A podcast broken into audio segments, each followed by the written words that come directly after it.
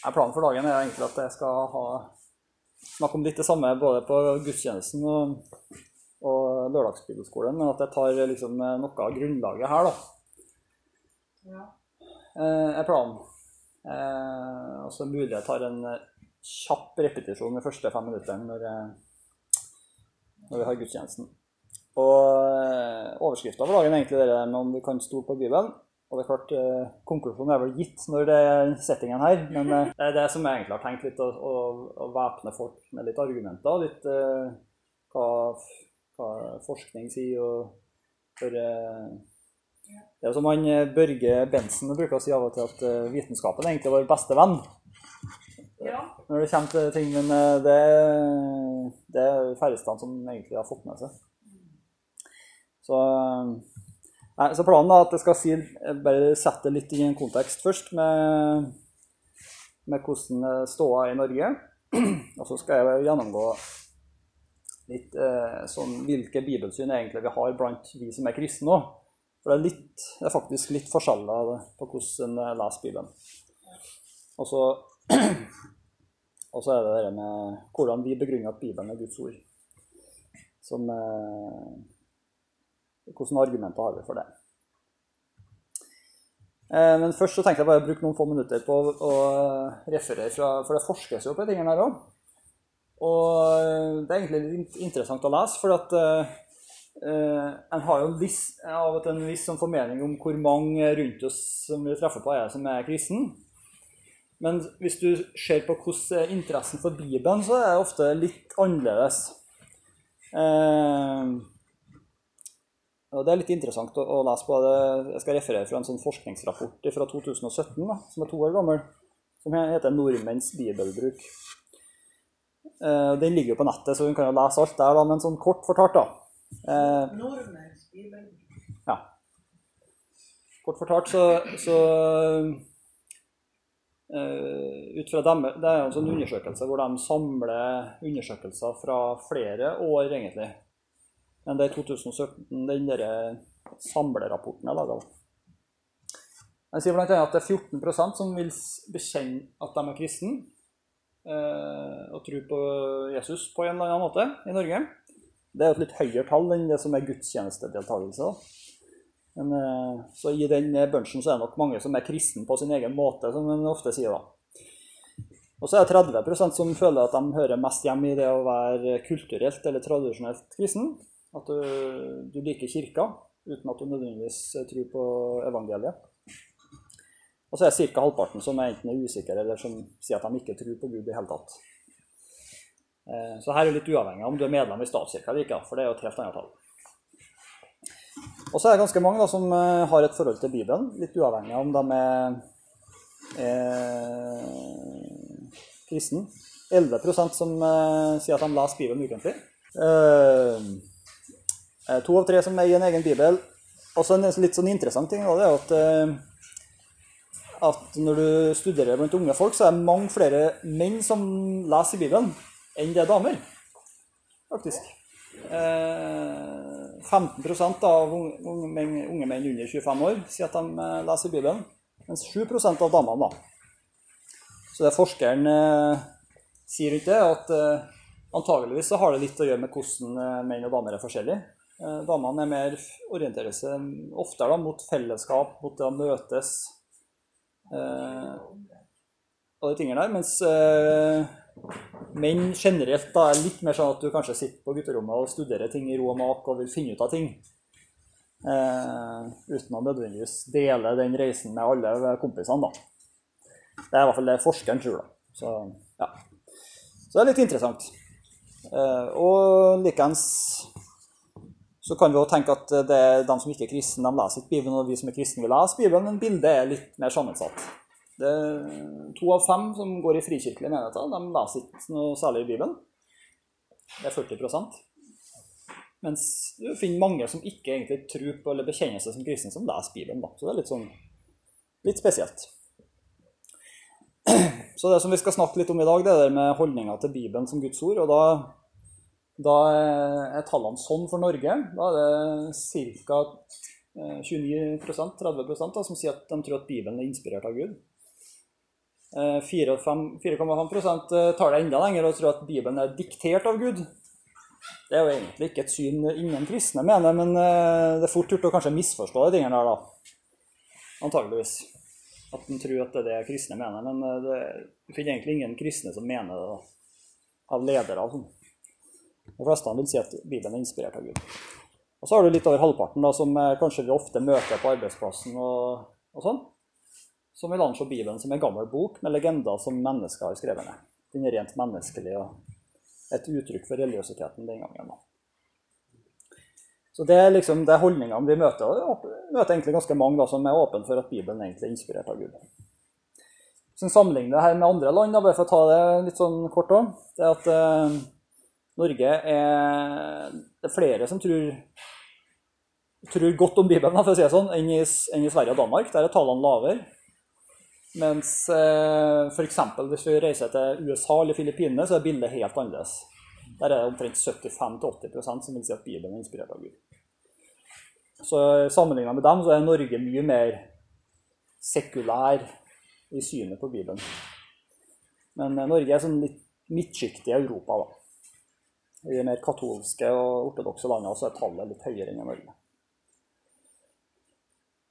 Så det vil si at Når vi kommer i kontakt med innvandrere og folk som kommer fra andre land, så er det mer sannsynlig å tenke at de er positivt innstilt til Bibelen enn enn ja, svensker og dansker og gjennomsekulariserte nordmenn.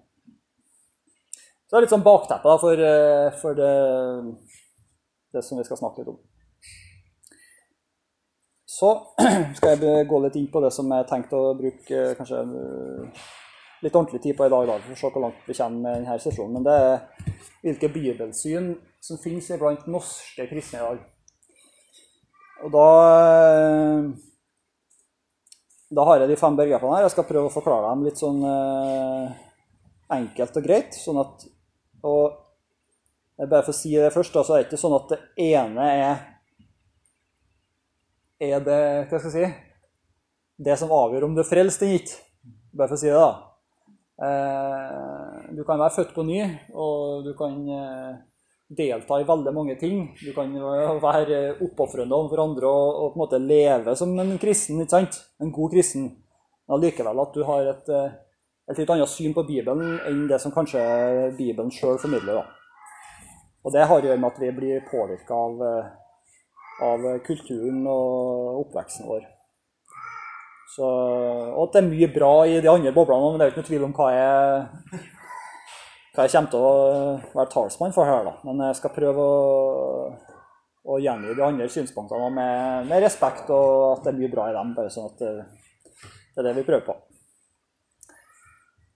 Jeg skal ta gjennomgangen litt sånn, litt sånn kronologisk i forhold til kirkehistorien. Det første, eh, første, som egentlig kommer, og det som jeg vil da si er det er det klassiske, det som Jesus og apostlene sto for, det er at Bibelen er Guds ord. Eh, og for mange av oss som har vokst opp med dette hele livet, så er det på en måte litt sånn rart å helt tatt problematisere det. Sant? Jeg som har vokst opp eh, hjemme med mamma og pappa som, eh, som, tror på Bibelen og vokst opp på bedelse, så er det litt sånn rart å tenke at noen kan tenke annerledes. Mens for folk som ikke har vokst opp med det, så er det der en, en eh, et annet spørsmål. Eh, når en sier at Bibelen er Guds ord, så innrømmer han samtidig at den er fullt ut et menneskelig produkt. Det er mennesker som har skrevet det. Du kan eh, forske på hvem som har skrevet, når det er skrevet, hvilken kultur det kommer fra. Og ikke har noe problem med det, egentlig. Fordi at de tenker at, at Gud har ved sin Hellige Ånd inspirert teksten sånn at det som står igjen, er inspirert av Gud. Og, det kan en innrømme sjøl om, om de, dem som skrev det. Eh, skrev og brukte hele sitt menneskelige register for å skrive ting. Sant? Eh, hvis en går litt inn på teksten, så ser jeg at det er litt forskjellige typer tekst. Av og til så står det 'Så sier Herren'. Da påberoper du at uh, det her kommer rett fra Gud. Uh, mens eh, noen tekster så handler det om at Gud åpenbarer seg, sånn som den brennende busken. Det er jo å påberope seg noe spesielt. Mens meste av Bibelen er egentlig litt sånn deskriptiv. altså Den beskriver bare historier til israelsfolket og det som skjedde rundt Jesus, på en litt sånn beskrivende måte. Men det òg vil da si er, har blitt sånn som Gud hadde tenkt det. Guds ord er forpliktende for hva vi tror, og vi tror at Bibelen handler om Jesus, og at vi trenger Den hellige ånd, vi òg, for å forstå hva den betyr. Dette er kort oppsummert, det kommer vi til å komme litt mer inn på her. Og Så starter da kirkehistorien for 2000 år siden. og Etter hvert så blir, danner det seg en slags tradisjon eh, som er, blir en litt annen måte å forholde seg til Bibelen på. Og det er at eh, I løpet av kirkehistorien så kommer det trosbekjennelser, det kommer eh, fortolkninger, og det kommer eh, liturgi, og det kommer mange ting inn eh, da med Oldkirken, og etter hvert den katolske og den ortodokse kirke som, som etter hvert da står like sterkt i folks praksis som Bibelen sjøl. Og Det har å gjøre med at det var en voldsom eksplosiv vekst i, i kirka. Og det, det, gjør at for at ting skal bli praktisk, og at ting ikke skal skli ut, så gir du da pave, biskop, prest eh, autoriteten til å tolke Bibelen på vegne av resten. Da. Og det kan du si det Eh, det kan være mye bra med det òg, så at jeg ikke snakker med, men problemet er når det går galt. At du begynner å, å, bevege deg vekk fra det som egentlig da er Guds ord. Den ene sida det. Den andre sida er det at du åpner egentlig for at folk kan være passive. Det holder at du gjør som du blir fortalt. Eh, at du deltar i de sakramentene som blir gjort, og så er ting greit. Sånn at det er en døråpner for det som kalles passiv eller nominell kristendom. da. Og det vil jo vi som tror på evangeliet og evangeliet, skulle si at det er et stort problem i dag. Fordi at hele den katolske verden, hele den ortodokse verden og mye av den lutherske verden er nominell. Du tror at du er innafor bare du er medlem i kirkesamfunnet og er døpt og konfirmert. Så det blir en egen måte å lese Bibelen på. Så går historien framover. Vi kommer til opplysningstida, og, får, og det blir mer og mer spørsmålstegn rundt er Bibelen egentlig Guds ord. det er brytningstid i Europa. Det er eh, Martin Luther og Sean Calvin og mange andre reformatorer bryter med den katolske kirka. Og, det, eh, og eh, en vil eh, etter da, de, de kaller den mørke middelalderen, vil de prøve å ta tilbake mye av det antikke, det opprinnelige. Eh, som bl.a. da de går tilbake til gresk-romersk kultur for å finne tilbake røttene til hvordan vi skal tenke om ting. da. Så i, i dette her så stiller han jo spørsmålstegn etter hvert med om Bibelen egentlig er Guds ord òg. Han begynner å forske på det. Eh, og den liberale bibelkritikken oppstår, da. Og det ender med et sånt syn som vi har eh, veldig mye rundt oss i dag. Et syn om at Bibelen er ikke Guds ord, men den inneholder Guds ord. Og Det er litt sånn kryptisk utsagn, fordi at eh, den åpner for at eh, vi kan beholde mye av det som står i Bibelen. Det som passer godt men vi eh, avviser egentlig at den, at den er den endelige åpenbaringa av Guds vilje. At den, at den er avslutta når eh, eh, apostlene skrev sine skrifter, og deres medarbeidere, så avsluttes eh, åpenbaringa av, av, av eh, Guds vilje nedskrevet form. da. Der vil de si at uh, Guds ord det er på en måte et begrep som stadig nyskapes. Gud skaper jo verden, sant? og han nyskaper verden, og derfor så nyskaper han jo ordet sitt òg. Det er på en måte den eh, kirkelige måten å, å argumentere for det her, da. Og så sier de ja, vi tror ikke på en bok, vi tror på Gud. Sant? Som er en sånn besnærlig måte å si ting på, men egentlig så da er den da negativ til at Bibelen er Guds ord. Det er den måten de bruker å si det på. Så, og det åpner for at, uh, at du kan definere veldig mange ting som å, å gi det labelen Guds ord, uten at det egentlig vi vil si nei, uh, det er konflikt med Bibelen, så det kan ikke være Guds ord. Det har vi masse rundt oss i dag, og, og dette er en veldig vanlig eh, tankemåte i Norge. Å tenke om Bibelen på den måten. Innenfor Den norske kirke er mange som tenker sånn. muligens litt innenfor frimenighetene òg, så kan det være noen som tenker sånn uten å innrømme det. Eh, Det fjerde synet som òg finner og som òg har litt røtter i samme periode, det som kalles biblisisme. Som egentlig eh, Kimen til det er litt i motreaksjon til den liberale tankegangen. At du begynner å gå vekk fra et Guds ord, Bibelen Guds ord. Så oppstår eh, noe som kalles verbalinspirasjon på 1700-tallet. Der du tenker at Bibelen er direkte inspirert av Gud, ord for ord. Det fins ikke et, eh, en bokstav der som ikke er tenkt ut av Gud. Som går på en måte lenger da, enn den opprinnelige eh, tanken. Eh, og det det fører til, at vi har et syn i dag også, som det er, som si, er veldig mye bra i. For at holdninga er at Bibelen skal leses som den står, og det, det er en veldig god regel. Som veldig mye av det som er biblisisme, vil vi si ja, amen til, egentlig.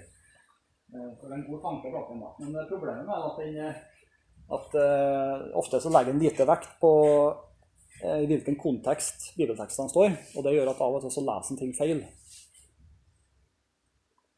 Og blir litt overivrig, da, hvis jeg kan karikere det litt. uh, og legger liten vekt på tolkningsnøkler. Dvs. Si, fins det ting i Bibelen som, som er så avgjørende at det hjelper oss i å forstå resten av Bibelen. Typisk at Bibelen handler om Jesus, er en tolkningsnøkkel. Det gjør at en kan være litt sånn forsiktig med å hoppe på all teologien rundt Israel, f.eks. For, for vil si at Først og fremst handler Bibelen om Jesus. Og det er han som er Guds plan.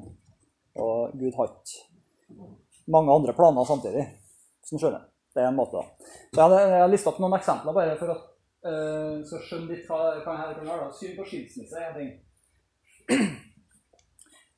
Og det Eksempelet på det, det er at hvis du da går uh, rett til bibelteksten og, og leser hva Jesus sier, så sier han egentlig at det er kun hor som er eh, gyldig grunn for skilsmisse. altså utroskap, da. Og så når vi da ser rundt oss i verden, så ser vi at det kan være mange andre grunner. Vil, øh, vil folk som ikke leser Bibelen sånn, vil tenke at det, det finnes jo mange andre grunner til at folk kan bli skilt òg.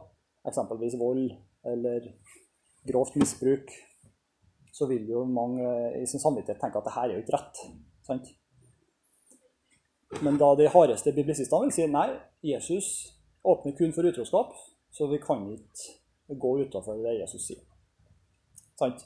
Så der blir Det er et eksempel på en sånn konflikt hvor bibelsynet slår inn. da.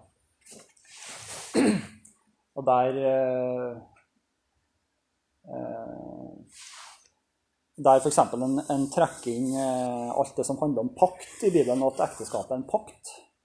Og Hvis du går veien om det og, og studerer Mosebøkene, som også er et uttrykk for Guds vilje, så vil du på en måte kunne eh, løse opp litt i den floken da, med å si at Eh, hvis du utøver vold mot ektefellen din, så har du per definisjon brutt pakta. Eh, og da, det, da må vi tillate skilsmisse. Vil en del si, da, som ikke er biblisister, men som står for et mer klassisk konservativt syn. Ja. Eh, Tolkning av Johans åpenbaring, dispens, dispensjonalismen som Jeg skal ikke forklare hele greia der, men, men det er jo det er jo der en deler inn verdenshistorien i tidshusholdninga, sånn at en ender opp med at Jesus egentlig, ja, det Jesus sier, ikke gjelder oss, for at det gjelder den gamle pakt. Og at, eh, og at en legger mye større vekt på Israel da, eh, og deres plass i endetida. Da. Som er en annen måte å lese Bibelen på, som, men som har røtter i den samme dispensjonsjournalismen. For at den, den leser Israel som Israel, der det og ikke Israel som Guds folk, da. Sånn kort fortalt. Ja. Eh, siste eksempelet av det første Korinterbrev 2,4. Det, det, det verset der hvor det står om at uh, vi ikke ønsker å bruke uh, overtalende argumenter for å vinne folk, men bare ånd og kraft som bevis. Er ikke det noe sånt det står? Ja. Og da vil jeg si at En biblisistisk måte å lese det på er at nei, du kan ikke eh, komme med noen argumenter for å overbevise folk om eh, evangeliet. Du, må, du må bare ha ånd og kraft. Du skal ikke bruke argumenter, enn noen sier. Men så ser du andre plasser i bibelteksten at det står f.eks. at Paulus overbeviste en del jøder om at Jesus var Messias fra Gamle testamentet. Så du vil jo finne andre skriftsteder hvor du ser at Paulus argumenterer. Og eh, i realiteten så er vi jo nødt til å forkynne Jesus, og da per definisjon argumenterer vi. Vi prøver å overbevise folk om at Jesus er Messias.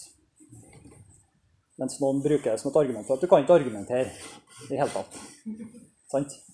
Det er en litt sånn biblisistisk måte å lese Bibelen på. Eh, siste som, eh, som, jeg tror vi har veldig mye rundt oss i dag, og som eh, Og det er jo den tida vi lever i. Vi lever jo i postmodernismen, det er mange som sier. Eh, og det er klart at det påvirker jo vi som er kristne og vårt bibelsyn òg. Postmodernismen kjennetegnes jo av at, av at ikke vi tenker at noen ting er sant. Det fins bare tolkninger. Eh, det er jo sitat fra Friedrich Nietzsche. Det er ingenting som er fakta. Alt er bare tolkninga sin. Eh, som er en sånn eh, Det er en pessimisme, da. Og egentlig en motreaksjon mot at en trodde at vitenskapen skulle løse alle problemer. Og så innser en at det går ikke. Og da mister en trua på noe som helst. Ok, Så alle må bare finne ut av ting sjøl.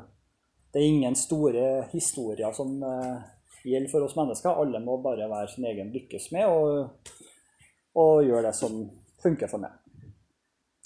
Det er mentaliteten vi møter overalt i verden. Og det egentlig åpner for at all reklame handler om det som individ. At du skal lykkes, at du skal ha det bra, at du skal realisere dine drømmer. Det er en postmoderne drøm. Fordi at uh, den avviser at det fins noen større historier som du trenger å gi det til. Sant? Uh, og uh, når det der blir en tankegang som kristne har, så vil, en da tenke at så vil det ofte gi seg utslag i at, at de litt store sannhetene som er sant for alle, som jo Bibelen er full av, det er en litt sånn likegyldig til, litt sånn skeptisk til. Eh, men jeg er åpen for at Bibelen kan snakke til meg personlig. Sant? At eh, ja, Bibelen, eh, det gjør meg godt å bli oppmuntra av alle de gode versene i Bibelen. Og at en er veldig glad for alle ting som Gud sier til en personlig. Og det er jo kjempebra. Vi tror på det. vi tror på at Gud kan snakke til oss, og at Den hellige ånd er virksom. Så det er jo noe bra ved det òg, ikke sant? Og det er nesten det som gjør det litt vanskelig, fordi at den eh, Det er på en måte en halv sannhet. Fordi at greia er at eh, Hvis du er litt sånn likegyldig eller avvisende til mange av de store historiene som Bibelen er full av, sant? det med livets to utganger, at det er et alvor over det, at, eh, at Bibelen uttaler seg om samlivsetikk, f.eks., og, og vil at det, det er like viktig å, å følge samlivsetikken i Bibelen som det å høre fra Gud. Stiller ikke de tingene opp mot hverandre. Der vil på en måte postmodernismen skille lag da, med det klassiske synet. For eh, uh, men, som, men, etter mitt skjønn så er postmodernismen en, en, eh, og det synet det er ganske utbredt, blant, spesielt blant den oppvoksende generasjon. Som uh, liten grad er interessert i, i mange av de absolutte sannhetene i Bibelen.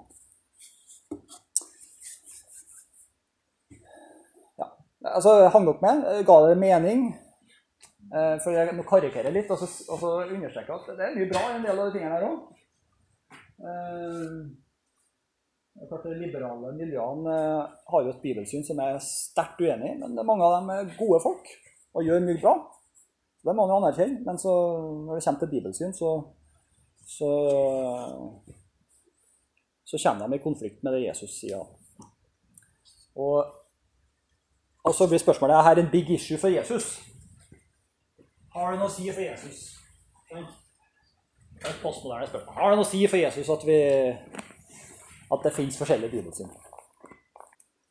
Ja, eh, Johannes 14 eh, Eh, Og vers 23, så det her er jo en samtale mellom Jesus og disiplene. Og så, og så spør da Judas, den ene disippelen til Jesus, i vers 22 og Han spør, 'Herre, hvorfor skal du åpenbare deg for oss, og ikke for verden?' Og så Jesus svarte, 'Den som elsker meg, vil holde fast på mitt ord.' 'Og min far skal elske ham, og vi skal komme og bo hos ham.' 'Den som ikke elsker meg, holder ikke fast på mitt ord.' Det ordet dere hører, er ikke fra meg, men fra Far, Han som har sendt meg. Her er jo et av mange vers da, som brukes for å underbygge at eh, for Jesus er det der med å holde fast på at Bibelen er Guds ord. Det er en viktig ting for han. Eh, sånn at den, eh, den lettheten da, de liberale har i forhold til å si at ja, Jesus han var et barn av sin tid. Sant? Han, eh, han snakka ut fra bedre vitende. Han, han eh, trodde sikkert på det han sa, men eh, nå vet vi jo mer. 2000 år etterpå, vil liberale si det. Eh, Moderne vitenskap og forskning har eh, funnet ut ting som Jesus ikke visste, vil de si da. Og dermed annullere gyldigheten i det Jesus sier, med mindre det passer godt med vår tids tankegang. Da, da vil de si at det er greit. Så hvordan er vi begrunner at Jesus eller Bibelen er Guds ord? Og da er det på en måte tre hovedområder som vi, som vi snakker om der, da. Det går bra. Eh, så det her er egentlig skal bruke litt av gudstjenesten på etterpå. Nå har vi ti minutter, men eh, vi begynner med de første to punktene. Og det første er at vi har Og det at eh, Hvis en skal velge mellom eh, hvem, sin, hvem sitt bibelsyn vi ønsker å ha, så vil jeg si at vi bør ha Jesus sitt bibelsyn. Eh, alternativet er dårligere. Da må vi finne ut av ting sjøl, og det har ikke den samme autoriteten uansett hvordan vi snur og vender på det. Eh, så, jeg, så den hovedgrunnen til at vi begrunner at Bibelen er Guds ord, er at Jesus ser på Bibelen som Guds ord. Eh, og så Punkt to der handler om at den er sann og pålitelig alt den påstår. Det er en eh, formulering som, eh, som alle evangeliske kristne er enige om. Om jeg skal eh, det kort da. Og så Siste punktet skal jeg snakke om på gudstjenesten. Det med at vitenskapen og erfaringen egentlig vår beste venn, Det er med på å forsterke troverdigheten til Bibelen i det den klarer å uttale seg om. da. Men la oss se på det første her, da. Samme bibelsyn som Jesus og apostlene. Hva slags bibelsyn er det Jesus og apostlene har? Ja, for det første så, så Når du leser Det nye testamentet, så ser du at Skriften, eller da Det gamle testamentet, som var Bibelen for dem, holdes høyt. Eh, så bibelsynet både til Jesus og apostlene er at Skriftene er Guds ord. Eh, Vi har bl.a. to eh, Hvis vi går til det apostlene sier, da, Paulus og Peter, så vil de ha to utsagn som, som er ganske sentrale ting tingene. Paulus sier da at hver bok i Skriften er innblåst av Gud og nyttig til opplæring, til rettevisning, veiledning, oppdragelse i rettferd osv. Rett og slett sette hele Guds menneske i stand til sin gjerning. Hver bok i Skriften er innblåst. Theo, Theopnautos eller sånt. Sammensatt av Gud og blåst, eller pneumos. Det er ordet for ånd eller vind eller pust. Det er samme ordet på gresk.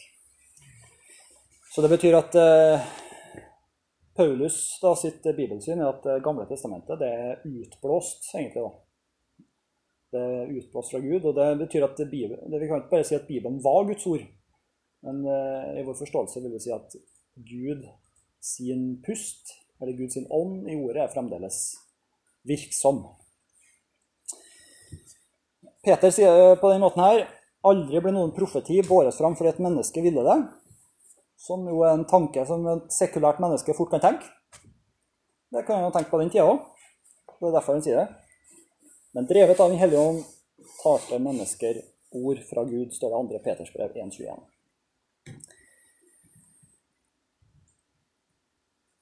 Og vi finner I mange av Jesus, Jesus sine dialoger med fariseerne så ser du at han, han kommer aldri med noe kritikk eller spørsmålstegn ved Skriften eh, og det som står der, altså Gammeltestamentet. Og tvert imot så arresterer han eh, fariseerne og skriftlærerne for at de, har, at de leser feil ting inn i Skriften. da.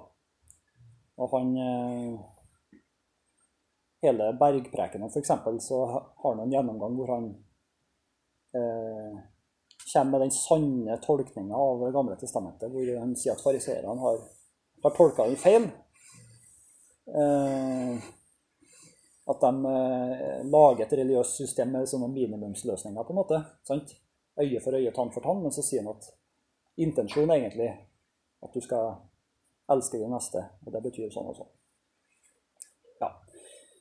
Litt sånn kort der nå. Jeg kunne ha snakka mye om det, men eh, som vanlig har jeg laga en powerpoint som kunne ha holdt på med i hele uke. uh, ja, så, uh, så Gammeltestamentet er greit. og Det er på en måte det slås fast i Det nye testamentet. At Det gamle testamentet er Guds ord. Hva da med Det nye testamentet? For det er jo skrevet etterpå. Sant? Og, uh, men i klassisk kristen tenking så er Nye testamentet Guds ord. Og En kan si mye om det. En kan si mye om hvordan Det nye testamentet ble anerkjent som Guds ord. Uh, kjapt om det, det er jo at, at det er jo, Nye testamentet består av skrifter, det består av antikke biografier, altså evangelier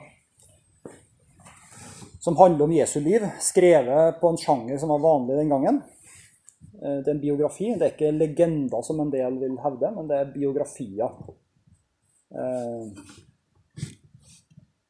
Sånn at sjanger, Når du studerer Bibelens sjanger, så vil du ofte kunne arrestere folk på, som sier at her er bare eventyr og legender.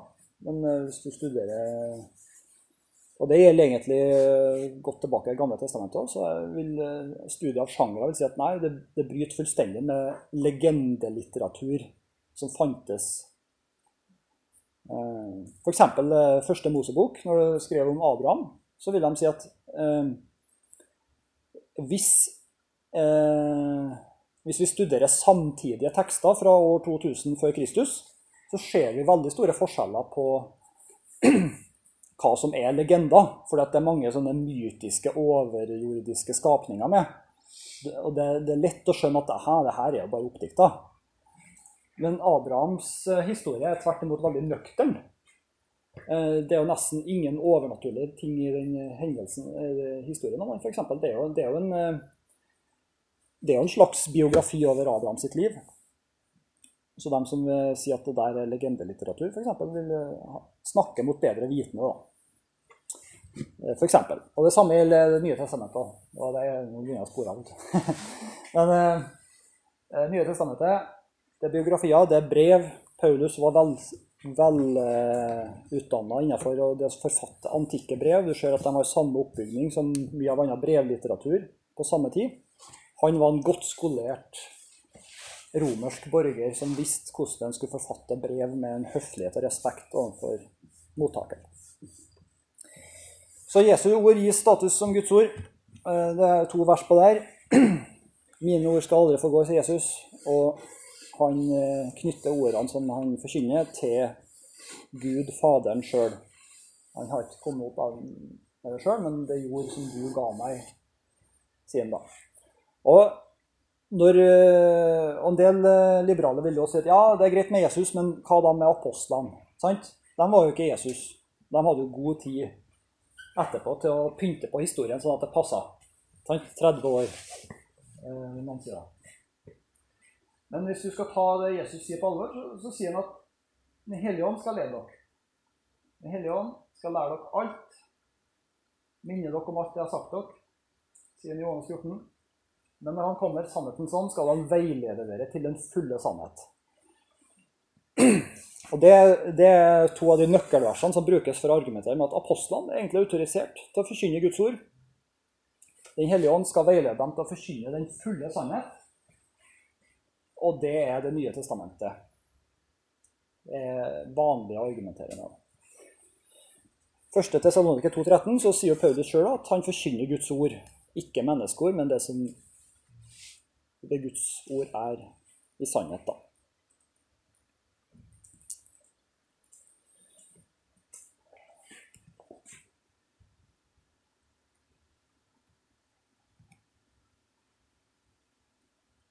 Litt sånn kort avslutningsvis. Eh, en ting er at Bibelen eh, Altså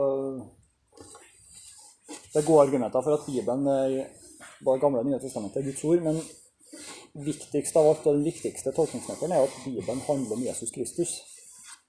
Både Gamle og Nye testamentet. Og det ser du egentlig ser det i veldig mange vers i Det nye testamentet. Som, og det er veldig mange siteringer fra Det gamle testamentet, og hvordan de påpeker at Jesus er oppfyllelsen av det profetiske ordet i Det gamle testamentet.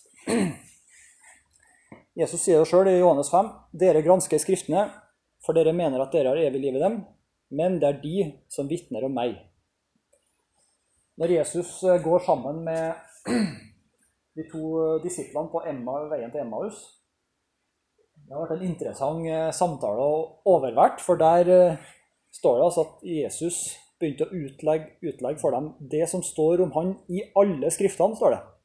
Helt fra Moses og hos alle profetene.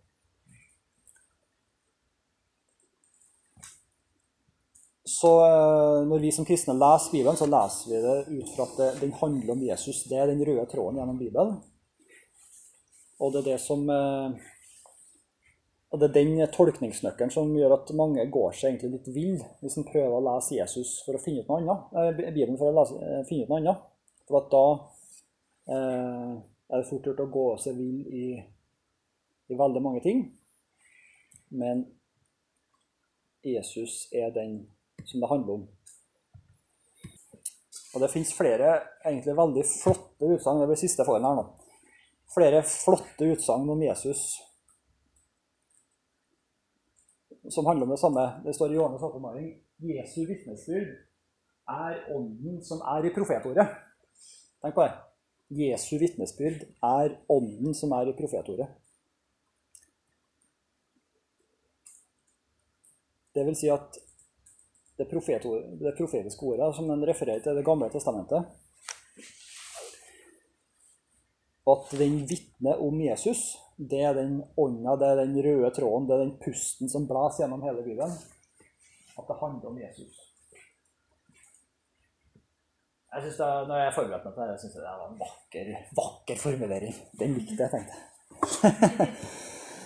Og det, det, gjør at en eh, får et helt nytt lys over eh, hva Bibelen dreier seg om, og en får en, en eh, utrolig rik kilde i å lese Bibelen. Og du, og du, får en helt annen motivasjon til å søke Den hellige ånd for å få åpenbaring om hva Bibelen dreier seg om.